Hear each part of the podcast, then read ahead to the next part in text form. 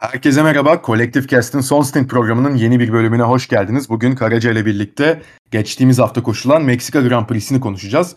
Geçen hafta bir bölüm yayınlayamamıştık. İkimizin de e, programları biraz yoğun olduğu için e, Amerika Grand Prix'sini değerlendirememiştik. Ona da çok ufak bölüm içinde belli e, yerlerde değinmeye çalışacağız Amerika Grand Prix'sinde yaşananlara da. Hani olay olay değil ama genel şampiyonada durum nasıl gidiyor? Bu iki yarışın e, takımlar ve pilotlar şampiyonasında nasıl etkileri oldu? Bunları değerlendireceğiz bugün. Abi hoş geldin. İki haftalık bir aradan sonra tekrar bölüm çekmek iyi oluyor. Aynen özlemişim ya. Allah. Bir şu an içimde de tekrar sanki böyle baştan çekiyormuşuz gibi bir heyecan var. Evet gerçekten öyle. Ama yani. sen yoğundun. Ee, benim yoğun olmadığım günlerde. Benim yoğun olduğum günlerde de sen yoğun değildin. Bir türlü e, anlaşamadık. Bir de NBA'de listeledikleri gibi benim non-covid illness'ım vardı bir tane. Sinüzit yaktı beni bir, bir hafta 10 gün kadar. Hani neyse en azından. Ama iyiyiz devam ediyoruz. Aynen öyle geri döndük şimdi. Ee, abi direkt istiyorsan bu haftadan başlayalım. Şimdi e, dediğim gibi bu hafta tabii Meksika e, Hermanos Rodriguez yani Rodriguez biraderler pistinde koşuldu tabii yarış. Ve e, yani bu senenin aslında hikayelerinden e, biri olabilecek bir yarış oldu aslında baktığımız zaman. Hatta bu e, Amerika Grand Prix'sini de buna katabiliyoruz. Çünkü bu sene hani sezon başından beri her yarış haftası öncesi hani bu pistte yani bir sonraki yarışılacak pistte hangi takım daha güçlü, e, hangi sürücü daha avantajlı, hani Verstappen mi önde gidebilir, Hamilton mı önde gidebilir, kim e, poli alabilir şeklinde ve veya yarış temposunda kim daha avantajlı gözüküyor şeklinde e, hep Formula 1 kamuoyu tarafından e, belli saptamalar yapılmıştı. Belli öngörüler yapılmıştı ama son iki haftada özellikle hatta bunu sezon e, boyunca da konuştuk zaten. E, ama bu son iki haftada yapılan yarışlarda da gördük ki aslında bu yapılan saptamaların e, pist üstüne çıkıldıktan yani arabalar pist üstüne çıktıktan sonra pek bir e, geçerliliği doğruluğu kalmıyor. E, Amerika'da mesela Mercedes'in güçlü olması beklenen bir e, pistte Verstappen pole almıştı. Yaklaşık 0.3 saniyelik bir farkla Hamilton'a göre. E, bu hafta da Meksika'da yani şimdi Meksika pistinin e, neden Red Bull pisti olduğunu tabii bir önce açıklamamız lazım. Şimdi e, deniz seviyesinden 2200 metre yukarıda bir pist. Ve e, böyle olduğu için de tabii hava yoğunluğu çok daha az pistin olduğu bölümde.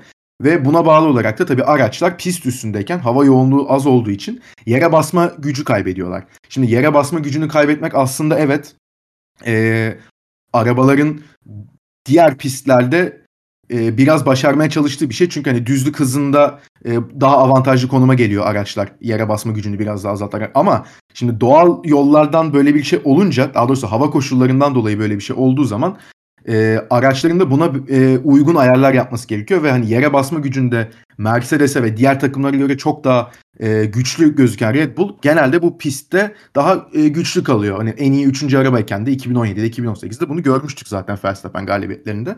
Ya bu yüzden de biz sıralamada e, Verstappen'in polü hatta Ç- e, Checo Perez'in bile poli alabileceğini düşünüyorduk. Yani bu ikilinin biz e, ön sırada olmasını bekliyorduk ama e, nasıl Amerika'da Verstappen bizi şaşırtıp 0.3'lük bir farkla poli aldıysa burada da cumartesi günü e, Mercedesler bizi şaşırttı ve Valtteri Bottas inanılmaz bir e, pol turu atarak e, birinci sırayı aldı. Lewis Hamilton da onun yaklaşık 0.2 gerisinde e, kaldı ama ikinci sırayı almış oldu. Red Bull'lar e, sadece üçüncü ve dördüncü sırada kalabildiler. Yani herhalde e, senin için de büyük bir sürpriz olmuştur abi cumartesi günü böyle bir e, sıralama izlemek. Ben çünkü izle yani izledikten sonra bir kendime gelemedim uzun süre. Özellikle Q3'te yaşananlardan sonra. Aynen. Yani hava yoğunluğunun yarattığı farkı e, daha da iyi anlatmak için şöyle bir şey diyebilirim. Ee, burada sezonun en yüksek downforce'lu paketlerinden birini kullanıyor bütün takımlar. Ee, ona rağmen düzlükte 360 kilometre hızlar gördük ki takvimde e, en düşük downforce kullanılan e, pist Monza'da hız tapınağı diye geçen pistte 350'leri görebiliyoruz. Öylesine bir fark var. Ee, hani tam zıt bir ayar yapmalarına rağmen. Ee, normalde de geçtiğimiz senelerde Honda motorunun ya da Mercedes olmayan tüm motorların Mercedes motoruna olan dezavantajı sebebiyle e, Mercedes'in Meksika'da ve diğer yüksek rakımda yapılan e, pistlerde işte Avusturya olsun, e, bu hafta koşulacak Brezilya Grand Prix olsun bir tık daha zayıf olduğunu görüyorduk. Ama bu sene e, birkaç kere de senin dediğin bu e, tahminlere biz değinmeye çalıştık ama bu sene e, dengeler biraz daha şaştı gibi. Honda motor gücü performansı olarak e, gayet yakın durumda bu sezon Mercedes'e artık. E, enerji e, geri toplama bakımından da daha iyi olduğu söyleniyor. Yani düzlük performansı e, çok yakın seviyede Mercedes'e şu anda Honda motorunun. E, ayrıca e, bu konuda da iyice yakınlaştığı için şampiyonluk için savaşan Red Bull ve Mercedes artık tamamen vurgu şeyde olmaya başladı. E, lastik kullanımında. Mercedes özellikle lastikleri ısıtmak konusunda çok sıkıntı yaşayabiliyor. Daha e, ama ısıttı mı, optimum dereceye soktu mu, e, özellikle daha sert hamurlarla e, birden çok daha hızlı bir hale gelebiliyor. Mesela işte seninle de az önce konuştuk. E, Bakü pistinde çok uzun düzlükler olmasına rağmen Red Bull'un ne kadar daha iyi olduğunu görmüştük. Sorun yaşamasalar 1-2 bitireceklerdi o yarışı. Tabii. E, ama orada lastik kullanımı e, seç, Pirelli'nin getirdiği lastikler ve hava şartları Red Bull'a çok daha uygun olduğu için e, önceki senelerden alışık olmadığımız bir şekilde Red Bull Mercedes'ten çok daha hızlıydı. E, o yüzden yani bu tahminleri yapmak da artık imkansız hale gelmiş durumda. Şimdi bu hafta yine Brezilya'da Red Bull favori olacak diye düşünebiliriz ama onu da bilemiyoruz. E, dengeler tamamen şaşmış durumda. E, hava şartlarına çok bakıyor lastikleri ısıtma konusundaki e, farkın bu iki takım arasındaki en büyük fark olması dolayısıyla. O yüzden e, bakacağız. Sıralamaya gelirsek de Sıralamada ee, abi şimdi sana şöyle sıralamaya gelirken bir şey sormak istiyorum. Hani e, bu da çünkü hafta sonunun çok tartışılan konularından biri oldu. Bunu da e, açıkçası konuşmak istiyorum. E, şimdi tabii hani Bottas'ın 1, e, Hamilton'ın 2 ve Red Bull'ların da 3-4 olduğundan demin bahsettim.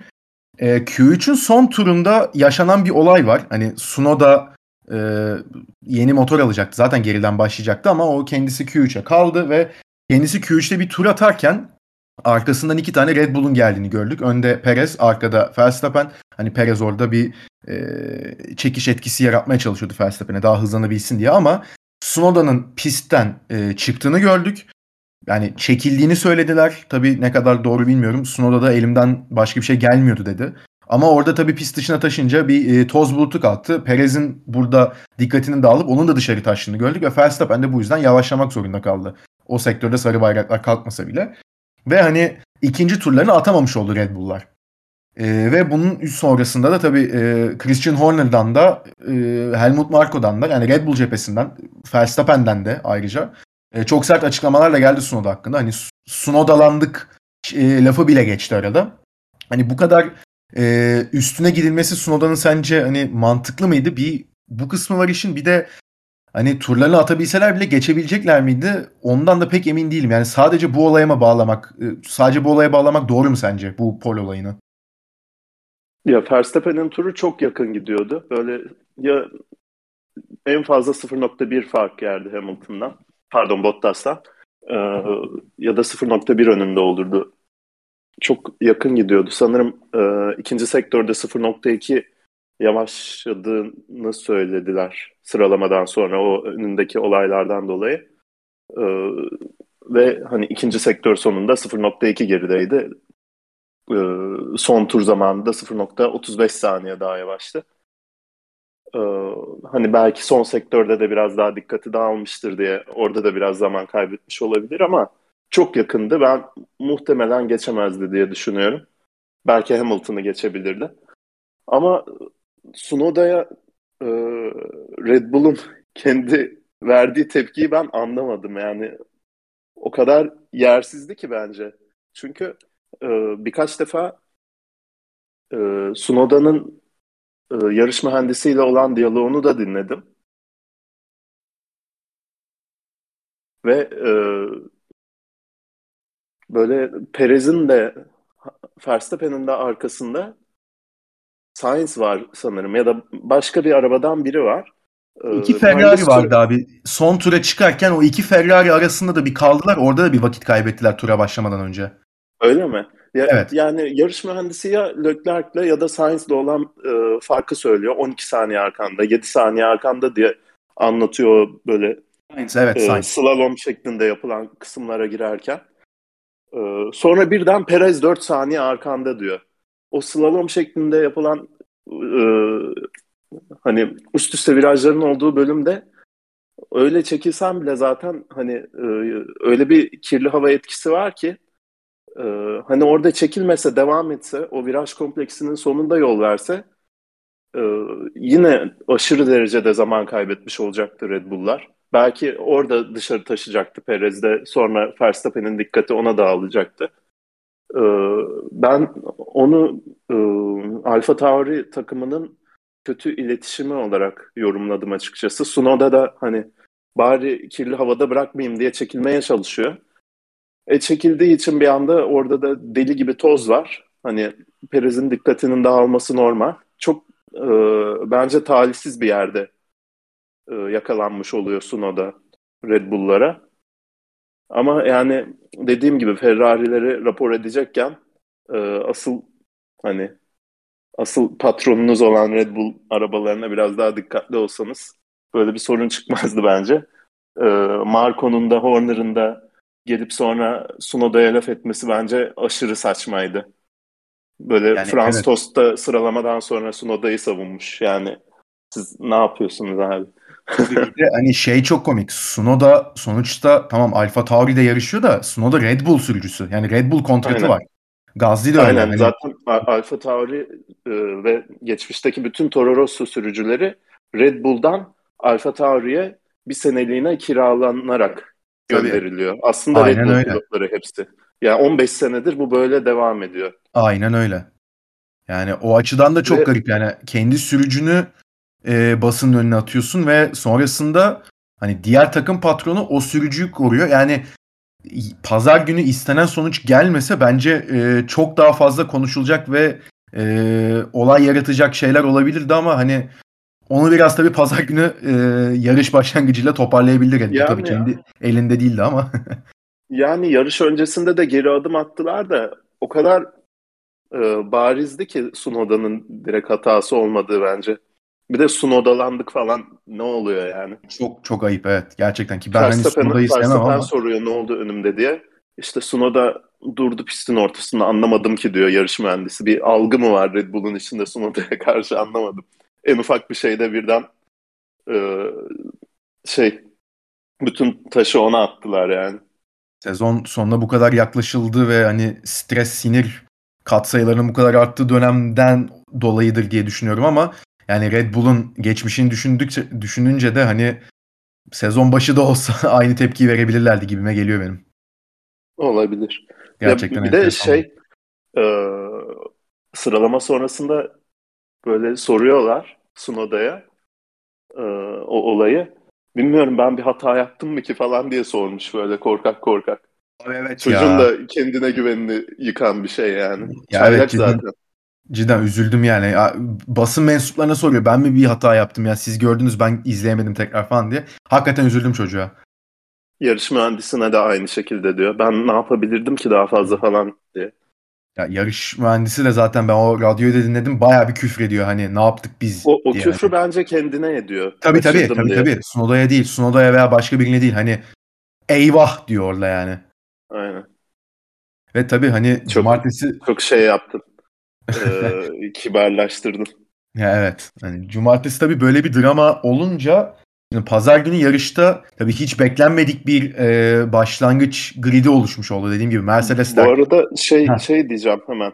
E, Q3'te evet. olan hani e, Sunuda'yı konuşmadan önce e, Red Bull'un performansından da bahsetmiştin. O konuda da bir yorum yapayım hemen. E, yani Gazli'nin Verstappen 0.2 önündeydi sadece. Bence e, Red Bull kesinlikle asıl performansını gösteremedi bu sıralama turlarında. Evet. Yani Verstappen'in de ikinci işte sektörde... son turu atamadılar. Evet, ikinci sektörde bayağı bir süre kaybetti yine e, ilk turu sırasında. Orada bir araç kaydı falan. Ya, aracın zaten dengesinden pek memnun değildi Cuma ve Cumartesi. Ya, bundan Perez de şikayet ediyordu. Ya, ilk turlarda da zaten abi hani oluşan fark bir kere mantıklı değil. Hani 0.4 gerisinde kaldı Valtteri Bottas'ın. Hani bu e, en güçlü Mercedes pistinde bile olmayacak bir şey bu. Aynen bu sene olmaz. Bottas da iki, iki turu da sıralamanın en hızlı turuymuş. Evet. Yani Bottas da hani yeni kontratı kaptıktan sonra iyice hani hakikaten yarınlar yokmuşçasına sürüyor. O da bir ilginç zaten. Ona da birazdan değineceğiz. Yani aynen aynen. Cumartesi günü tabii bunlar yaşandıktan sonra dediğim gibi hani biraz e, biraz değil hiç beklenmedik bir e, grid sıralaması oluştu. E, ama şimdi tabii Meksika pistinin e, yapısından da dolayı Verstappen 3. başlıyordu ve e, bu pistte yani ilk yani start düzlüğü çok uzun. Yani başlangıçtan sonra ilk viraja kadar yaklaşık bir 800 metre var. E, ve sürücüler yani genelde ikinci sıradan başlayan sürücüler e, yarış startında birinci sıradan başlayan sürücünün arkasına geçip hava koridorundan yararlanıp ilk viraja o şekilde girmeye çalışıyorlar ki geçmişteki yarışlarla baktığımız zaman e, yanlış hatırlamıyorsam birinci sıradan başlayan pilotun en az kazandığı pist burası. E, son yıllardaki pistlere baktığımız zaman. Çünkü pistin daha temiz tarafından kalkan, o üçüncü sıradan kalkan kişi dediğim gibi bu hava koridorundan yararlanıp ilk virajı çok daha avantajlı bir şekilde girebiliyor. Ki yarış startında da aslında biz bunu gördük. Şimdi Hamilton e, zaten pistin daha kirli tarafından kalktı ikinci sırada. Ve e, tabii hani geçen sene de burada yarış yapılmadığı için zaten pistin e, özellikle de bunu cuma günü de gördük. Hani bir tozlanma mevcuttu. E, optimum koşullar yoktu asfaltta. Tabii sürücüler tur attıkça biraz daha oturmaya başladı ama e, yarış çizgisi tabii daha hani pistin solundan yani işte birinci, üçüncü, beşinci her neyse on, o taraftan e, oluşmuştu yarış çizgisi. Ve startta da biz e, Verstappen'in yani öyle özel bir kalkış yapmadı açıkçası. Hatta reaksiyon zamanında e, Hamilton'ın reaksiyonu daha iyi. E, bunu da gördük biz. Ama ve lakin e, kendisini çok doğru yere konumlandırdı. Direkt Bottas'ın e, arkasına geldi. Hani neredeyse hatta arka kanadına değecek kadar yakındı. Ve artık virajın e, ortasından sonra kendisini direkt sola attı ve çok geç e, frenleme yaparak ilk viraja zaten direkt iki Mercedes'in önünde girmeyi başardı. Oradan e, liderliği aldı. Bir daha da zaten arkasına bakmadı. Çok rahat bir yarış geçirdi açıkçası Verstappen ama tabii bu ilk turda hatta ilk 3 e, üç virajda yaşananlar e, yarışa biraz damga vurdu. Zaten geri kalanında da yarışın pek bir şey de olmadı. Daha çok takımlar üstünden konuşacağız bugün e, bölüm başında da dediğim gibi. E, tabii Verstappen'in hamlesi çok konuşuldu. Gerçekten çok güzel bir hamle. Hani e, hani riskli mi? Evet riskli ama bunu başarabiliyorsanız yani bu sürücüye artık burada takdir e, verilmesi gerekiyor ki gördüğüm kadarıyla da herkes hani e, en büyük Mercedes fanları bile çok acayip hamleydi diye bahsedebiliyor bundan. Tabii bu e, ilk virajda Verstappen'in bu hamlesini e, şöyle yarış sonrası etkileri oldu. Hamilton'dan ilginç açıklamalar geldi. Yani Bottas'ın Verstappen'e çok yer bıraktığından bahsetti. Hani e, o kadar sağ açılmasına gerek yoktu. Hani niye Verstappen'i kapamadı ki şeklinde bir açıklama yaptı. Sonrasında bir özürümsü bir mesaj da yayınladı. Bu zaten Hamilton artık e, her kaybettiği yarıştan sonra özür mesajları yayınlamak zorunda kalıyor. Bu evet, zaten bir, çok bir şey deyip sonra bir gün sonra öyle demek istemedim. Evet bu e, kaçıncı kez oluyor bu sezon yani ki aynısını e, Perez için de yaptı. Hani Red Bull'un gücünü Perez sizi arkadan takip edebiliyorsa zaten anlıyorsunuz dedi. Bunu Meksika'da söyledi. Meksikalı e, seyircilerin önünde. Sonra 3 paragraflık bir yazı yayınladı. Ben öyle demek istemedim. Yani ne demek istedim o da bir ayrı. Ama tabii Hamilton'ın bu açıklamasından sonra da Verstappen de e, başka bir şey söyledi. Yani ne yapacaktı? Ben orada yanına geliyorum adamın. Üstüme mi kıracaktı o kadar hızlı giderken? Yani adam ne yapsın dedi. O ayrı bir e, konu ama tabii hani burada ya Bottas'a suç çıkarmalı mıyız? Yoksa hani Verstappen e, startta olab yani o durumdan faydalanacak noktaya kendisini mi getirdi yoksa Bottas'ın da yardımı oldu mu ona? Yok ya Bottas'ın bir hatası yoktu bence. Bir de zaten startta o Verstappen'in yanına geldiği sıralarda düzlükte pist sola kayıyor kendiliğinden. Hı hı. Orada bir anda solda yer oluşuyor yani. Ee, hani evet tekrarda böyle yavaş çekimde falan izleyince evet düşünebilirsin de startta o kadar çok böyle e, milisaniyeler içinde verilen kararlar var ki yani yarım metre daha sola çıkabilir de evet engellemek ya da biraz daha sıkıştırmak için. Ama yani bu bir hata değil. Yani etrafında bir ton araba var. Kendi startına konsantre olmaya çalışıyorsun. Pistin de öyle sola kaymasıyla ben e, kesinlikle e, suçu hatta suç yok ortada yani. Verstappen sadece ya. hava hava koridoruyla daha yüksek bir hız yakaladı yani. Yani aynen öyle. Hani Hamilton bir kere niye oradan orada Bottas'tan medet umuyor ki? Bir kere zaten viraj sağa kayıyor. Yani ilk viraj sağa dönülen bir viraj. Hani orada avantajlı olan aslında Hamilton. Yani e, kendisi Bottas'ın da önüne geçer gibi oldu. Biraz daha geç fren yapsa zaten kendisi dönecekti. Ha bu arada bunlar yaşanırken de zaten ilk viraj so- dönülürken Hamilton'ın da yanına Ricardo'nun girdiğini gördük biz. Yani Verstappen dışarıdan çok geç fren yapıyor. Çok güzel bir hamle yapıyor da hani Ricardo'nun da oraya girdiğini gördük. Ki orada zaten aslında yarışın kaderini etkilendi bir e, kaza yani kaza değil de bir temas yaşandı. Ricardo içeriden öyle girince Bottas'ın sağ arka lastiğine dokundu ve hani Bottas spin attı zaten. Direkt e, sürüş yolunun yönünün tam tersi şekilde durdu pist üstünde. Orada gaza e, bastı bir de iyice. Aynen. Ricardo da ön kanadını kaybetti. Ya orada Ricardo'ya sadece ceza çıkmalı mıydı? Bence ce- yani ilk viraj peki anlıyorum Değil daha bir FIA şey bakıyor ama ya buna sanki ceza çıkabilirdi gibi ya. Yüzde yüz abi. Yani kesinlikle önlenebilir bir temas ve arkadan çarpıyor yani. Ee, çok pardon burada senin... sana şeyi soracağım e, kıyas açısından. E, bizim Türkiye'de yapılan Grand Prix'deki ilk turu hatırlıyorsun bu Gazli Alonso olayını. Orada ceza çıkmıştı yani bunun farkı nedir? Bence bu daha da net ceza yani. yani. Orada çünkü yağmur şartları falan vardı yani. Evet. Sprey, sprey püskürtüyordu bütün arabalar. Orada Ve daha üç araba yan yanaydı orada. Aynen.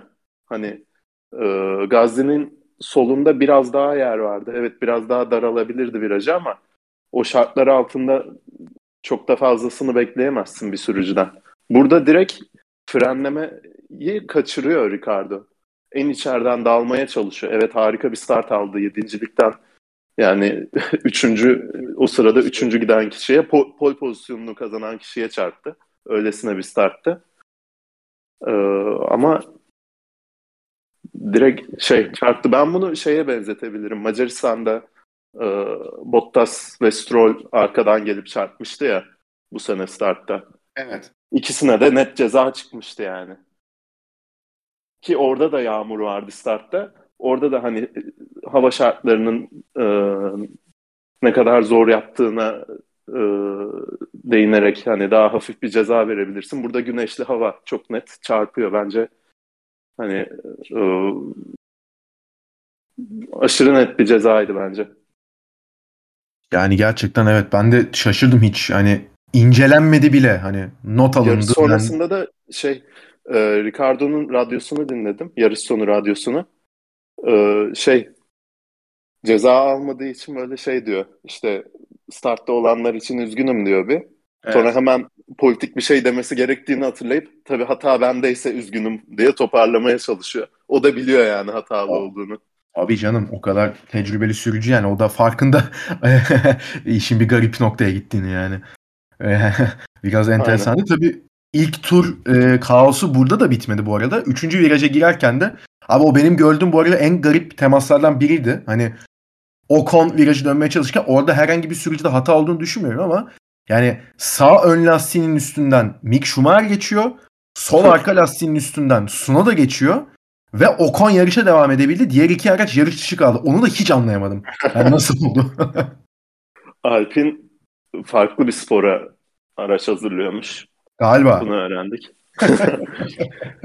Abi valla ikisi de böyle zıplıyor bir de. Havaya zıplıyor. Sunoda'nın arabası bir saniye falan havada kalıyor anlamadım yani. Abi baya havaya çıktı yani. Palmer, Palmer'ın yarış sonrası analizini izledim bugün. Ee, o da acaba suç Sunoda'da olabilir mi diyor. O, yani biz tüm sene Sunoda'ya laf ettik.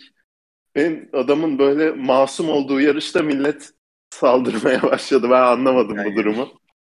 Hani orada e, Bottas'ın spininden dolayı oluşan bulutta birden herkes en sağda olanlar bile birinci virajdan sonra sola kırıyor.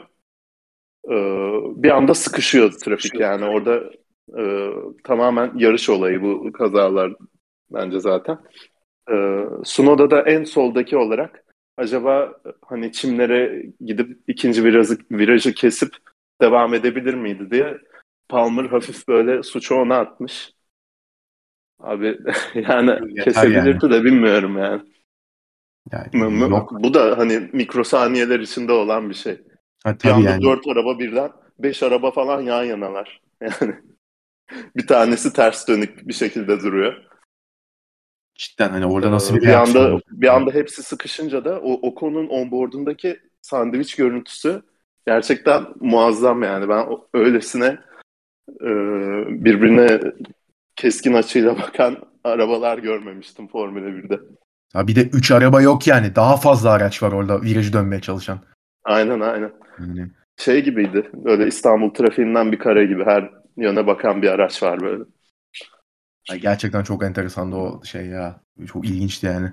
Tabii hani bu e, ilk turda yaşanan bu kaos sonrasında ya açıkçası e, sezonun herhalde en e, bundan sonrasında stabil ve hani sakin yarışlarından birini geçirdik. Yani pist üstünde e, pek bir mücadele görmedik. Yani o yüzden de zaten daha takımlar üstünden konuşalım dedik. Yani Verstappen'in çok rahat bir şekilde e, galibiyete gittiğini gördük. Yani Hamilton ikinci, Perez de üçüncü oldu. Hani Perez e, kendi ülkesinde ilk defa podyuma çıktı. E, Meksika'da ilk defa Meksikalı bir sürücü e, yarışı lider götürdü. Hani bu açıdan iyiydi. Hani yarış sonu Perez'in babasının gelip e, ortalıkta Meksika bayrağıyla koşuşturup Çeko'ya sarılması, Çeko'nun ailenin gelmesi. Yani hani onlar tatlıydı. Güzel, evet, çok e, güzel görüntülerdi. Hani onlar çok hoşuma gitti. Ee, onun o da yerel hani... politikacıymış biliyor musun babası? Ha, öyle mi? Ya hatta belli ama böyle e, hatta bayağı böyle e, olaylı geçmişi varmış sanırım. Olabilir. Belli yani. Hani bir de Meksika olduğu için şimdi neyse daha fazla şey yapmayayım ama e, tabii yarışta bir de açıkçası bahsetmek istediğim bu takımlara geçmeden önce e, bir en hızlı tur puanı için bir e, savaş gördük ve işin ilginç yanı e, herkes Verstappen'e burada e, ya haklı gördü şeklinde demeyeceğim ama hani Verstappen'in pist üstü yaptıklarında herhangi bir sorun olmadığını ve çok da iyi yaptığını söylediler. Ben biraz şaşırdım. Tam tersi hani milletin e, Verstappen'in üstüne yüklenmesini bekliyordum ben. Ha işte bir puan için bu kadar zorluyor musun falan diye ama yani ilginç bir mücadele gördük tabii. Hani yarışın en hızlı tur puanı Verstappen'deydi 68. tura kadar. E, sonrasında tabii biz bir e, pit stop gördük Valtteri Bottas'tan. 63. turda önce bir e, pit'e geldi Valtteri Bottas. Ve orada Mercedes'in e, yaptığı çok büyük bir hata var. Valtteri Bottas pistten çıktığında e, tam pistten çıkarken Verstappen e, düzlüğe geliyordu. Ve Verstappen Bottas'ın önüne geçti. Şimdi Bottas'ın orada turu atabilmesi için tabii hani önünün e, boş olması gerekiyor. E, mümkünse hani tur bindireceği veya yakalayacağı kişiden e, DRS alması gerekiyor. Hani bu tarz şeyler var. Bunları yaptılar zaten sonrasında ama şimdi Verstappen'in arkasında çıkınca tabii e, yumuşak lastiklerle e, Verstappen de yani durumun doğal olarak farkında. Kendisi de zaten radyodan soruyor en hızlı tur kimde diye. Hani sen de ama Bottas şu an arkanda ve hani tur deneyecek diye. Orada bir 2-3 kere yer değiştirdi sürücüler. Hani e, Verstappen orada bence çok e, yani kurallar içinde müthiş oynadı. Hiç şey yok. Yani zaten 1.3 saniye e, gerekiyor mavi bayrakların sallanması için ve e, öndeki sürücünün yol vermesi için. Verstappen önce Bottas'a yer veriyor. Bir zaten bilerek e, lastikleri bir kitliyor. E, 15. virajda Bottas onu geçmeden önce. Bottas'ın ilk turunu öyle mahvediyor. Sonrasında Bottas geçiyor. Verstappen hızlanıyor. O sırada ben de zaman ekranına bakıyorum. 20 saniye fark vardı. 15'e düştü bir anda. Ve Verstappen'i de göstermiyor. Eyvah dedim yani ne oluyor motor mu gitti? Sonra bir baktık Verstappen orada Bottas'la oynuyor yani. Sonra Verstappen hızlı Bottas'ı tekrar geçiyor. Mavi bayraklardan dolayı. Bu bir iki kere daha yaşanıyor ve Mercedes 67. turda tekrar pite girmek zorunda kalıyor. Hatta ve hatta Bottas rahat e, boşluk bulabilsin diye 5 saniyede pit içinde tutuyorlar onu. Yani evet iş günün sonunda Bottas puanı aldı ama hani Verstappen'in burada ne rahat bir şekilde yani böyle politik oyunları da oynayabileceğini göstermesi açıkçası ben yani İngilizce tabir işte o shithousery deniyor ya. Ya bence Hı-hı. çok güzel bir örneğiydi. Çok da güzel uyguladı bence. Elinden geleni yaptı yani. Ve gayet de bence legal. Tabii canım. Yani e, legalliğinde hiçbir sıkıntı yok benim için de. Çok çok keyifliydi ya. Yarışın kendisinden daha keyifliydi o son turlardaki en hızlı tur savaşı. Bir de e, Bottas'ı 5 saniye bekletirken şeyi de hesaplıyorlar. Hızlı turuna başlarken Russell'dan DRS alabileceksin e, diye. Tura DRS ile başlıyor yani. Evet yani. E, garanti altına alıyorlar iyice. Böyle ufak tefek hesaplar sırf bir puan için. Bottas da puanların dışında o bir puanı almadı. Sadece Verstappen'in evet. alacağı bir puanı e, almamasına sebep oldu. Aynen. İngiltere'de de bunu bunun hatta bir adım ötesini görmüştük. Perez 10. sırada giderken kendi adına bir puan alacakken ve Hamilton'da en hızlı tur varken e, Red Bull pite sokuyor Perez'i. O bir puanı almasın. Puanların dışında bitirsin ama Hamilton eksi bir puan alsın diye. Yani kendi alacakları bir puanı feragat edip Hamilton'dan bir puan e, çalmışlardı. Ben bu e, ilk e, ilk e, en hızlı tur puanı geldiğinde 2019'da bayağı şüpheci yaklaşmıştım. Böyle ufak tefek oyunlar sokuyorlar Formula 1'e diye. Biraz e, böyle geleneksel bir bakış açısıyla yaklaşmıştım ama bu sene ilk kez şampiyonanın bu kadar yakın gittiğini görüyoruz. Bu en hızlı tur puanı e, uygulamaya başlandığından beri. Ve o kadar böyle ufak tefek stratejiler düşünülüyor ki böyle en son tura bırakıyorlar. Mesela 2019'da 5 tur önce pite giriyordu. E, bedava pit stop yapabilirim diye 3 tur deniyordu. Bu sene artık onu da görmüyoruz. Özellikle en son tura bırakıyorlar ki diğeri e, vakit kalmasın diye. Aynen, aynen. Kendisi de bir turda e, en hızlı tura alabilirse alıyor, alamazsa alamıyor. Böyle çok e, ince düşünülmüş stratejiler aşırı keyifli oluyor ve yani her puanın da önemli olduğu bir şampiyonu olduğu için boşuna uğraşıyorlar da demiyorsun. Tabii. Ben bu en hızlı tur puanı uygulamasına e, bayıldım bu sene yani. Yani, bu sene görüşüm tamamen değişti. Gerçekten öyle abi. Hani o hakikaten yani tek bir puanın bile aslında bu kadar yakın geçen bir e, şampiyonada ne kadar önemli olabileceğini biz zaten her hafta görmeye başladık. Ya bu gerçekten çok ayrı bir seviyeye getiriyor tabii. Şimdi abi e, istersen şey, biraz e, Red Bull Mercedes'e atlamadan önce galiba diğerlerine geçecektim.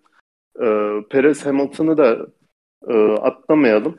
Ama orada çok konuşacak bir şey yok bence. Sence yani, de yok anladığım Perez, kadarıyla o yüzden. Şöyle, sen de yayın öncesi söyledin ama hani ya bunu e, Amerika'da açıkçası biz gördük. Hani şimdi e, yakalamak ayrı şey, geçmek ayrı bir şey. Yani bunu e, neydi? Ne Murray'di adamın ismi? Eski Andy. şey. Ha. Hayır. Evet. Andy değil oğlum. Andy Murray. Murray Walker. Ha, aynen Murray Walker. Yani onun lafı e, çok ikonik bir laftır zaten. Hani gerçekten biz bunu Amerika'da görmüştük. Hani e, Hamilton'ın 8 tur e, geç pite girip ondan sonra Verstappen'le her tur e, arayı kapatıp ondan sonra da hani son 5-6 turda özellikle yani inanılmaz bir stres seviyesi vardı. Gerçekten yani yaşadığım en kötü 15-20 dakikalardan biriydi bir Formula 1 yarışı sırasında. Ama geçemediğini görmüştük. Tabii orada daha farklı şeyler de yaşandı ama hani burada da hani Perez'in yetiştiğini gördük ama yani e, geçmek için hamle yapamadı bile. Hani e, o açıdan yani güzel bir mücadele gösterdi evet ama ya ben de hani yarışın hiçbir noktasını hani DRS açtığı zaman bile ya Perez tamam geçti alıyor ikinciliği diyemedim. Ya DRS'sinde bile kalamadı ki. DRS'sine birkaç turluğuna girmesinin tek sebebi Hamilton'ın önünde e, bir tur geride olan bir araç vardı. O e, downforce kaybına sebep olduğu için Hamilton da e, yavaş turlar atıyordu. Polisi Onu, geçemedi işte. Aynen. Norris'i de geçtikten sonra zaten e, hemen bir iki tur içerisinde DRS'sinden kurtulmaya başardı Perez. Yani ve yani e, şey e, pistten de bahsederken değindim. E, şey yani geçişin çok zor olduğu bir pist. Formula 1'e ne kadar uygun tartışılır. Hem hani virajların e, pistin yapısı hem de işte rakımın e, etkileriyle beraber. Ambiyans olarak takvimdeki en iyi yarış bence. Açık ara yani beyzbol beyzbol sahasının içinden geçiyorlar. Podyumda işte arabayı platforma koyup öyle çıkıyor kazanan sürücü falan. İnanılmaz. Son Her dakika sene- haberi vereyim mi bu arada? Versene. Yani bir e, Formula 1 gazetecisi yazmış. E, bir parça değişimi daha yapılacak Lewis Hamilton'da ve 5 sıra grid cezası alacak Brezilya'da diye. Oo. İlginç. Ya onlar niye e, Rusya'da mıydı? 11. mi ne başlamıştı Hamilton? Türkiye. Türkiye miydi? Türkiye doğru. Ee, niye bütün parçaları değiştirmediler ben hala anlamıyorum onu. Bilmiyorum. Onların motorda bir ilginç sıkıntı var. E, bence ne olur ne olmaz diye yapıyorlar ama tabii hani bunu Brezilya yarışından sonra konuşuruz tabii. Şimdi biz Meksika'ya dönelim. Aynen. Ee, öyle yani ambiyans olarak çok iyi ama e, geçiş imkanı olarak çok sıkıntılı bir pist. Ee, yani değinmeyeceğiz dedik Paris Hamilton savaşına da.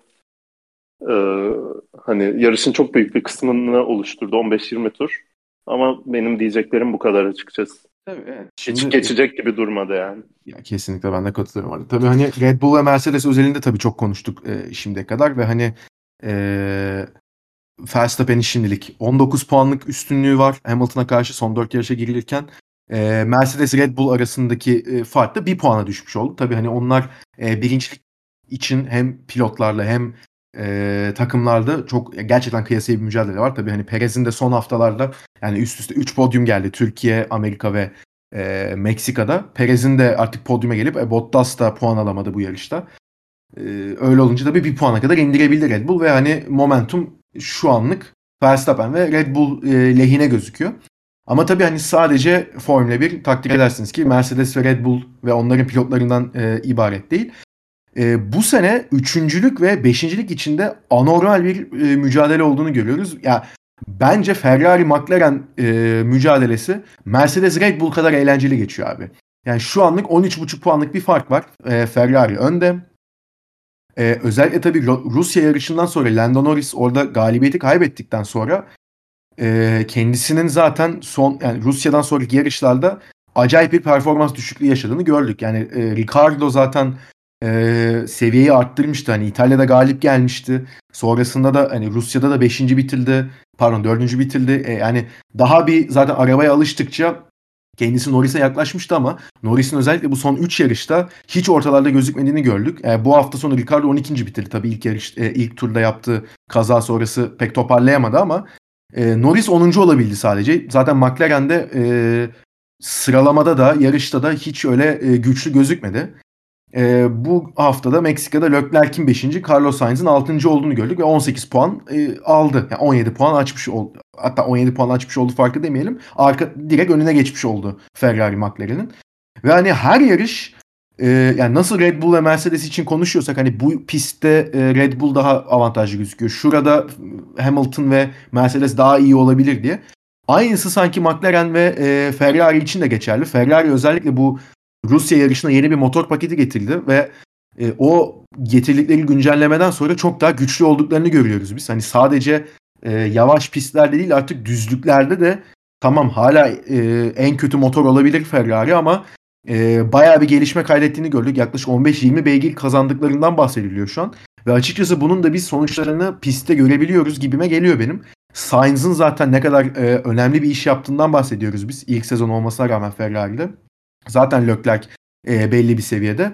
Valla bu iki sürücü de hani birinci pilot hangisi şu an açıkçası Ferrari'de bilmiyorum ama şu an sanki Ferrari e, avantajı elinde tutuyor gibime geliyor benim. Onlar da çünkü çok e, istikrarlı bir şekilde devam ediyorlar. McLaren'de özellikle Norris'in bu düşüşünü göz önünde bulundurduğumuzda.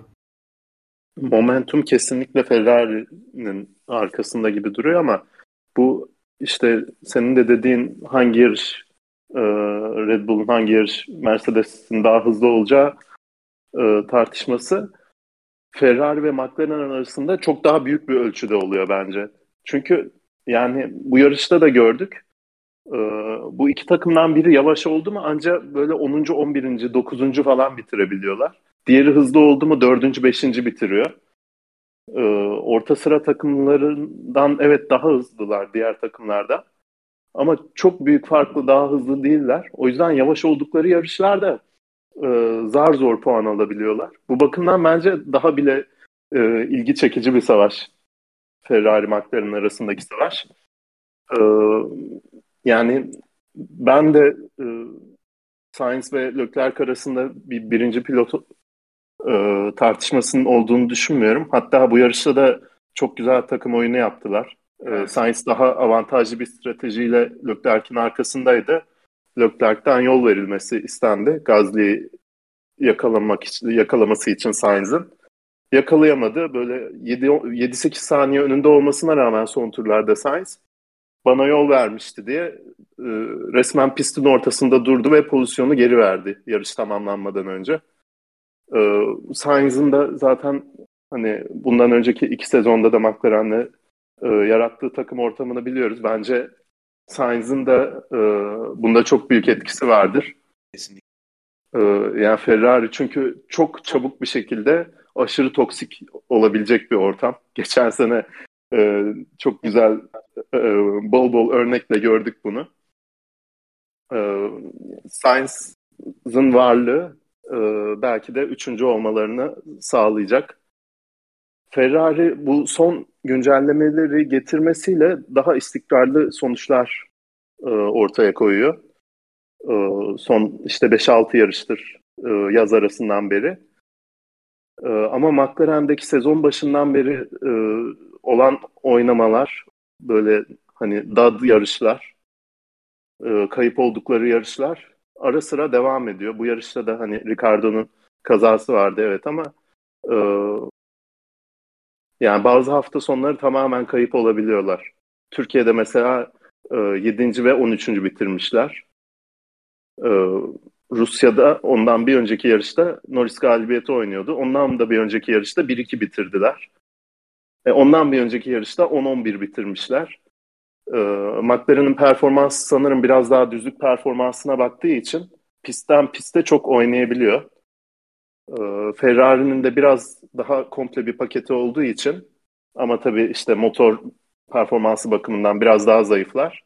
E, genel hani pistten piste hafta sonundan hafta sonuna çok oynamamaya başladı gibi geliyor bana aldıkları sonuçlar.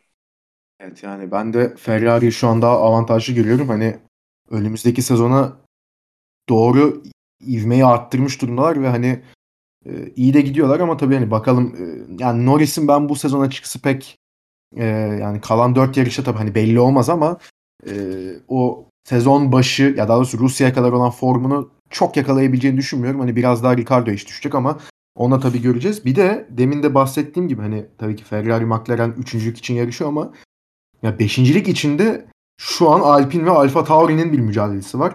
Ya daha doğrusu Alpine ve Pierre Gasly'nin bir mücadelesi var. Yani ikisi, iki takım da 106 puanda.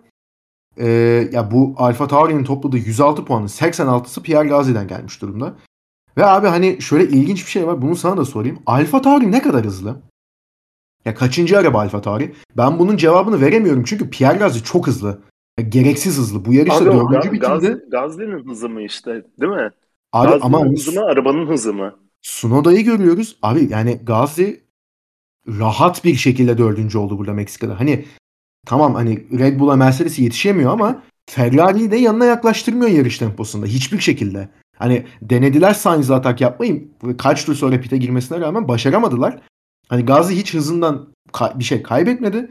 Ve hani bu yani 6 kere mi ne 5 veya 6. kez bu sene ilk 5'te bitirmiş Pierre Gasly. Şimdi Alfa Tauri ilk 5'te bitirmek ya bitirmesi zor olan bir araba. Ama bence Pierre Gasly arabanın çok çok üstünde gidiyor.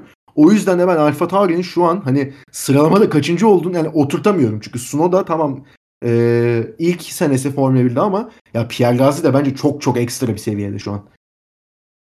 Kesinlikle. Yani ve bu Gazi'nin bunu e, ilk kez yaptığı yarış değil. Ben e, iki veya üç yarış daha hatırlıyorum bu sezon.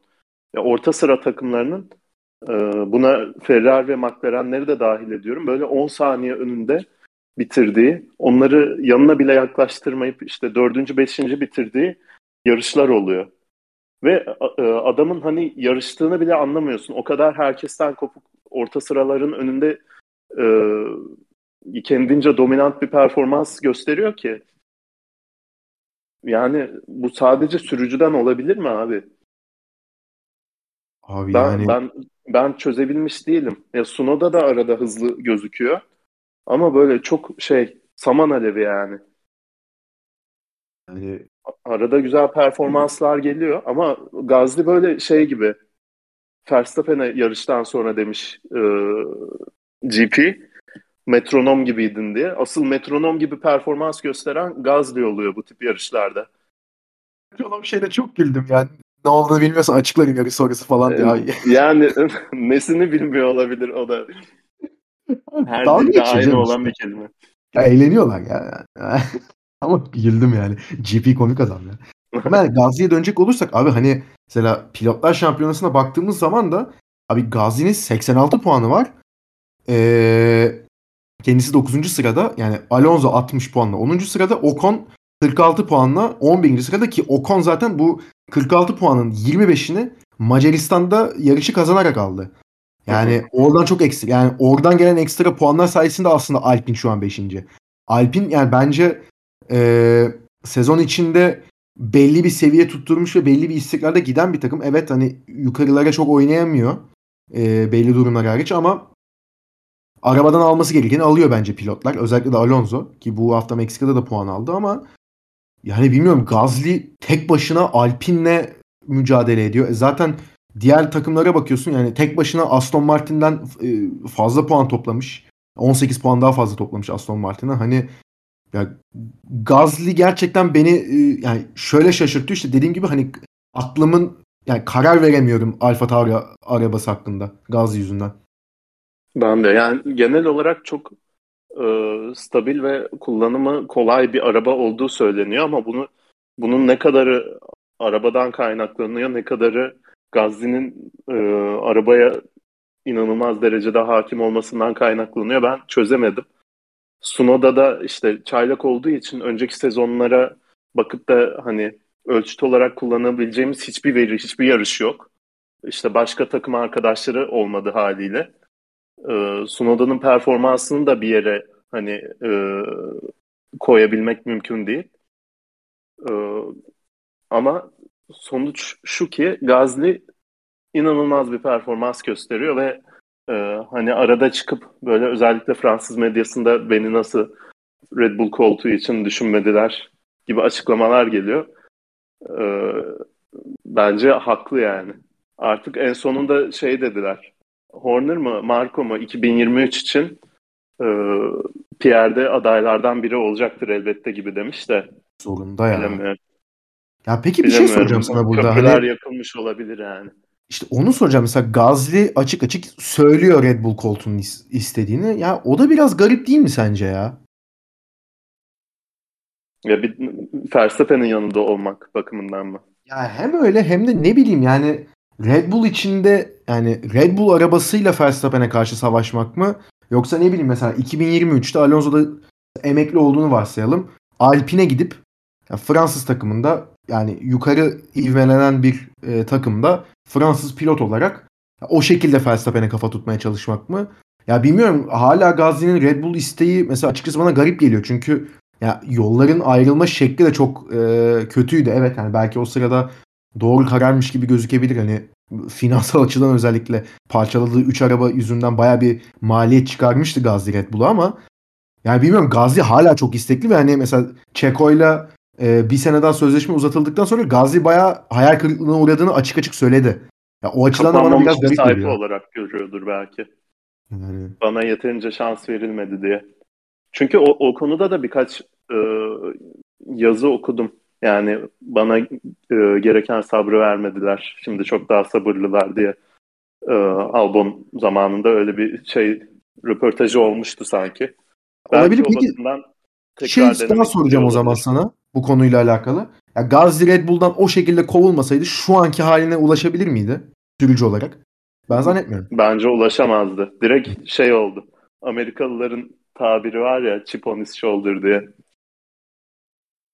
Direkt bir motivasyon oldu onun içinde bence.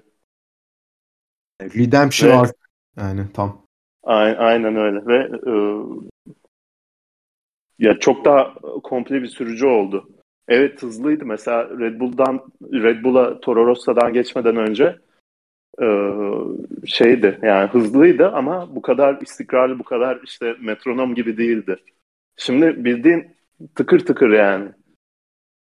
Sıralamada kaç kez e, ilk altıda bitirdi bu sene. Beş yarışta falan sıralamada alt, ilk altının dışındaydı. Evet, Sunumda Q1'de eğlenirken. Evet ve hani Ferrari'lerin, McLaren'lerin önünde bitiriyor yani sıralamada. Aynen öyle. Yani o yüzden Şimdi diyorum bu, bu, bu yarışta da, bu yarışta da dedim yani Red Bull e, düzgün tur atamadı tur atamadığı için sadece 0.2 önündeydi Gazi'nin diye ama sonuç 0.2 önündeydi Verstappen sadece Gazi'nin. Ne olursa olsun. Ya evet. O turu evet. atmayı başardı yani. Evet. Yani gerçekten o Gazli ve Alfa Tauri ilişkisi hani yani çok güzel bir ilişki ama hani hakikaten soru işaretleri de yani pozitif anlamda soru işaretleri barındırıyor ya. Bence hani Gazli e, gerekli takdiri görmeye iyice başladı bence bu sene. Ama yani %100. başardığı şey bence çok çok acayip bir seviyede. O yüzden hani kendisini takdir ediyorum. Ve, Tabii, ve Gazi'nin yani yaptıklarını görünce de benim direkt hani e, mantığım bana Alfa Tauri Alpine'den daha hızlı bir araba dedirttiriyor. Çünkü o Macaristan'da topladıkları kaç puan alıyor? 37 puan galiba. 1 ve 4 bitirdiler Alpine. 37 puan. E 106 puanın üçte birinden daha fazlası. Şey işte tek yani. yarıştı aslında. Aynen. O tek yarışı çıkarırsan e, Alfa Tauri daha fazla puan toplamış. Gazi daha fazla puan toplamış hatta. Yani o gerçekten çok ilginç bir seviyede onlar. Yani bakalım tabii sezon sonunda e, bu takım savaşları hani nasıl e, sonuçlanacak onu da merak ediyoruz. Son bir değinmek istediğimiz de ufak bir konu vardı. Meksika Grand Prix'sinde tabii e, yarış sonunda bu arada e, şey çok hoşuma gitti. Vettel 7, Raikkonen 8, Alonso'da 9 oldu. Yani bu 3 yaşlı kurtu hani Vettel tabii Raikkonen ve Alonso kadar yaşlı olmasa da e, bu üç eski şampiyonu bu şekilde puanlar içinde görmek galiba ilk defa oldu bu sezon zaten. E, o şekilde görmek de çok hoşuma gitti ama e, yani bizim bir son değinmek istediğimiz kişi Antonio Giovinazzi. Yani zaten e, ondan ne zaman bahsetsek... Hani Uğurlamak hani, için değiniyoruz. Ya tabii e, hiç etliye sütliye karışmadığını, ortalarda pek gözükmediğini hani çok böyle dümdüz biri açıkçası pilot Aslında olarak. Aslında bu yarışta startta ki olaylardan sonra 6. sıraya tırmanmıştı. Tabii. Bayağı iyiydi startı. Aynen öyle. Zaten e, açıkçası bu yarış sonunda da yaşanan bu dramada yani şimdi 6.ydı kendisi. Sonra yarış başladıktan sonra e, Carlos Sainz kendisini geçti ve 7. oldu. Tamam hani bu olabilecek bir şey ama hani 7. devam edebilirdi ama e, Alfa Romeo niye bilmiyorum e, kendisini 16. turda pite aldı. Ki Raikkonen 32. turda girdi pite. Yani baktığımız zaman. Şimdi e, kendisi de bu yüzden e, bu kadar erken pite girdiği için e, lastikler zaten e, diğer sürücülere göre daha dezavantajlı konumdaydı. Onu da geçtim. Kendisi zaten pitten çıktıktan sonra bir trafiğin içinde kalmış oldu. Bu Ricardo'ların, Bottas'ların gittiği yerde. Ve kendisi pist üstünde e, çok fazla sıra kaybetmiş oldu. Yarış sonunda da gördük ki Antonio Giovinazzi zaten e, 11. sırada bitirdi yarışı. Yani aslında Alfa Romeo belki iki aracıyla e, puan alabilirdi ama e, yaptıkları bu e, stratejik karar sebebiyle Antonio Giovinazzi puanlar dışında kaldı ve kendisi yarıştan sonra çok sert tepki gösterdi radyodan. Hatta sonrasında basından konuşurken de e, pek sakımadı sözlerini. Ki çok ben de hak veriyorum yani hani niye yarışımı sabote ettiniz noktasına getirdi lafı. Baya baya sinirlendi ve e, ki zaten sonrasında da e, haberlerde artık iyice çıkmaya başladı. Hani e, Giovinazzi zaten takımdan ayrılacak. Buna da söylendi. E, açıklamada artık bu hafta Brezilya hafta sonunda gelecek şeklinde. Yani yerine kimin geleceğini şu an tabii bilmiyoruz. E, çok fazla isim konuşuluyor ama yani yollar ayrılacaksa bile hani bu şekilde pist üstünde e, böyle garip kararlar verip kendisini hani puan dışında bırakmaktansa yani bir karar alıp arkasında durmak daha iyi, daha yakışık alırdı yani bence. Yani yarış sonrasında çizgiyi geçince e, aşırı kinayeli bir şekilde e, harika strateji için teşekkürler diyor böyle. Sonra da İtalyan medyasına gitmiş. İşte bu hafta sonuna kadar takımın bana e, karşı böyle strateji uygulayacağını düşünmemiştim ama artık emin değilim gibi bir şeyler demiş sanırım. Tabii e, Sky İtalya'da soruyu öyle bir şekilde sormuş ki direkt tuzağa kurmuş. E, Giovinazzi de tuzağa atlamış yani. Sorulan soru da orada şeymiş takımın sana e, karşı çalıştığını düşünüyor musun diye. O da emin değilim demiş aslında. Ama neyse yine de onu dememesi lazım. Ee, ama abi bu sene kaçıncı defa oldu bu? Kaçıncı defa fırsatı teptiler? Yani hem Giovinazzi hem Alfa Romeo, Raikkonen'in böyle net bir hatasını hatırlamıyorum ama mesela Giovinazzi İtalya'da e, Hollanda'da çok iyi startlar almıştı. 7. 8. liğe tırmanmıştı. Abi yarışta da. E, aynen Q3'e kalmıştı ve 7. 8. sıraya tırmanmıştı. İkisinde de Tabii. ikinci sektörde ilk turun spin attı ve geriye düştü. Oralarda puan alsa e, şimdi çok daha iyi olacaktı. Şimdi Raikkonen bu yarışta 8. bitirmesiyle 10 puanda, Giovinazzi 1 puanda. Raikkonen evet dünya şampiyonu. Hani benim de bayıldığım bir adam da 42 yaşında bir Kimi Raikkonen abi. 10 puana 1 puan olmaması lazım. Yani tabii Takımın da zaten 2 senedir sürekli saçma sapan stratejik hataları böyle e, iletişim kurmuyorlar düzgün. Raikkonen sürekli böyle siz ne yapıyorsunuz diyor. En son Türkiye Grand Prix'sinde Ocon pit stop yapmamış lastikleriyle 10. bitirdi. Giovinazzi hemen arkasında bitirdi ya. Orada yarışın sonunda Giovinazzi mesela şey demişti. Bana niye söylemiyorsunuz önümde 5 saniye daha yavaş tur atan biri olduğunu e, daha fazla zorlardım diyor. 0.4 saniye mi ne gerisinde bitirdi. Puan alacaktı orada. Tabii tabii tabii canım ya orada ya, da Alfa Romeo'nun da teptiği çok fırsat var. Ben yani. Williams'dan çok net daha iyi araba olduğunu düşünüyorum. 23'e 11 puan. Saçmalık yani. Ki, Ve yani, hepsi böyle bariz bariz hatalar.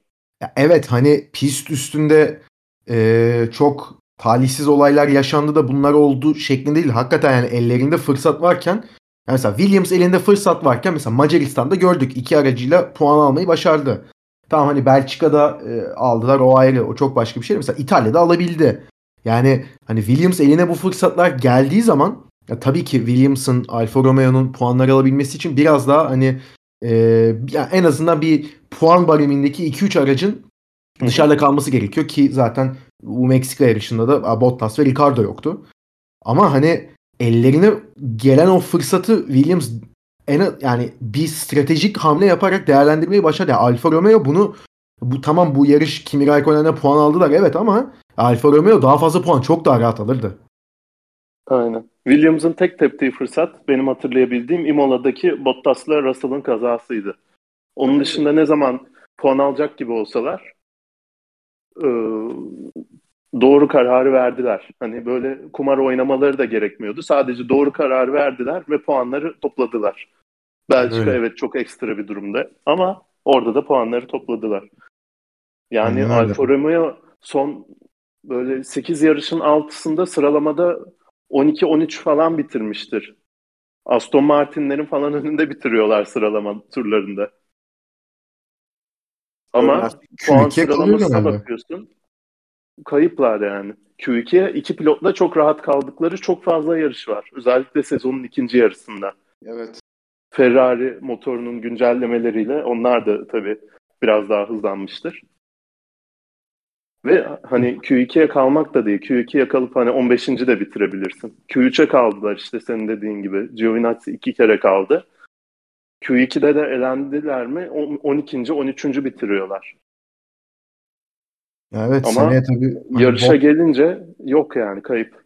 Bottas evet belki seneye bu takımı toparlayabilir.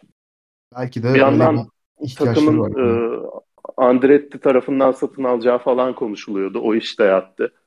O bakımdan da bir belirsizlik var. Yani bir ilginç durumda Alfa Romeo gerçekten ama hani seneye tabii ikinci pilotları kim olacak? Hani takım içinde e, yönetim kademesinde değişimler olacak mı? Hani sahip değişecek mi? Ve bunları tabii önümüzdeki günlerde göreceğiz. Yani Alfa Romeo'daki durum sonuç olarak bu ve hani bilmiyorum Antonio Giovinazzi öyle çok özel sempatimin olduğu bir sürücü değil ama yani üzülmüyor da değilim kendisine.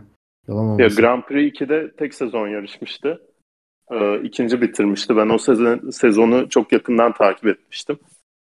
Orada bayağı sempatikti de ya Formula 1'de çok e, sönük performanslar ve şey yani hala sık sık e, kazaya karışıyor, spin atıyor. Artık Hı. hani bir istikrar bekliyorsun. O istikrar da gelmiyor. Formula 1'de de sadece 20 pilot var. Artık bilemiyorum. İşte bakın bundan Şimdi e, bunu, bunu diyorum da gelecek adam Guan Yu Zhao olursa o da ayrı bir saçma da parasıyla gelecek yani çünkü. Ya, parasıyla gelecek tabii. Onu göreceğiz bundan sonra ne olacağını. Şimdi tabii böylelikle de zaten Meksika Grand Prix'sini kapatalım. Bu hafta e, sprint yarışının düzenleneceği bir e, Brezilya yarışı da yaşanacak. İşte demin de dediğim gibi Hamilton zaten bir e, grid cezası alacak. Bu tabii e, bu grid cezası e, sprint sonucu alınan e, dereceye uygulanacak. Onun zaten hani ne kadar mantıklı ne kadar mantıksız olduğunu daha önce konuşmuştuk. Bunu zaten Brezilya yarışı sonrası tekrar değerlendiririz. Ya Brezilya'da tabii şöyle ufak bir sıkıntı olmuş. E, şu an 6 tane takımın e, arabası gelmemiş durumda. Hani yarın e, antrenman turları ve sıralama turları var. E, Red Bull ve Mercedes araçlarını getirebilmiş pistte ama onlar da motorlarını getirememiş. Ya böyle hmm. kaotik bir ortam var şu an e, Interlagos'ta. Yani umarız yarış yapılabilir. Şimdi şu an çünkü araba yok ortada. Öyle ufak bir sıkıntı Lojistik var. açıdan felaket bir karar bu arada. Yani bu yarışta çok, konuşmak çok. istemiyordum bunu ama çok çok çok. 3 e, hafta üst üste bir Meksika'da bir Sao Paulo'da sonra da Katar'da yarış yapılacak. Ne alaka abi? Ya uzat Direkt bir hafta yani, geç bitir ya. Aynen abi. Ya ne da şey var? yap yani Katar, Suudi Arabistan ve e, şeyde Birleşik Arap Emirlikleri'nde son 3 yarış. Onları 3 hafta üst üste yap. Niye niye 3 ayrı kıtada 3 hafta üst üste yarış yaptırıyorsun? Ya bilmiyorum gerçekten o, o da bir ilginç yani bakalım e, nasıl bir hafta sonu seyredeceğiz. Ya Brezilya'da zaten geçtiğimiz senelerde hep benim en sevdiğim pist Brezilya açık ara. Yani en ben eğlenceli en eğlenceli yarışların bence yapıldığı pistlerden bir tanesi. Hani 2016 olsun, 2019 olsun, 2010 2012 olsun. Ya keşke tabii e, 2010'ların e, başlarında olduğu 2007, gibi 2008'deki şampiyona tabii. savaşları var. Ya o zamanlar tabii son yarıştı Brezilya. Keşke öyle kalsaydı. Hani öyle daha bir güzel drama oluyordu. O yüzden yani çok güzel yarışlara sahne olan bir pist. Hava koşullarını asla tahmin edemediğimiz bir, bir pist. Hani çok sıcak da olabilir ama pisti su da basabilir yağmurdan. Ee, gerçekten hani hiçbir e, bilinenin pek olmadığı bir yarış. Bakalım bu hafta Blok sonu. birden ortaya çıkabilir. Aynen öyle. bu hafta sonu o yüzden hani Verstappen farkı arttırabilecek mi yoksa Hamilton geri dönüş için en azından bir adım atabilecek mi? Pilotlar şampiyonası ne olacak? Takımlar şampiyonası ne olacak? Brezilya yarışından sonra da bunu değerlendireceğiz. Böylelikle de bölümün sonuna geliyoruz zaten. Abi ağzına sağlık. Bu Çok arada, teşekkürler. Ben teşekkür ederim. Senin de ağzına sağlık. Bu arada Bu e, magazin köşemizi de bir e, atlamayalım istiyorum. E, magazin slash Mazepin köşemiz. E, Mexico City'de gece kulübünden atılmayı başarmış galiba. Yani ilginç bir insan. Yani o Kendini var. unutturmamayı başarıyor. Mazepin cephesinde o var. Max Verstappen de Piquet ile tanışmış. Baba Piquet ile. Aa, evet. Güzel güzel magazin köşemiz yine magazin dolu bu hafta. evet son haberlerde bu şekilde. Abi çok teşekkürler tekrardan. Ne demek ne demek. Ben teşekkür ederim. Evet. Böylelikle de bölümümüzün sonuna geliyoruz. Brezilya Grand Prix'si sonrası tekrar görüşmek dileğiyle. Hoşçakalın.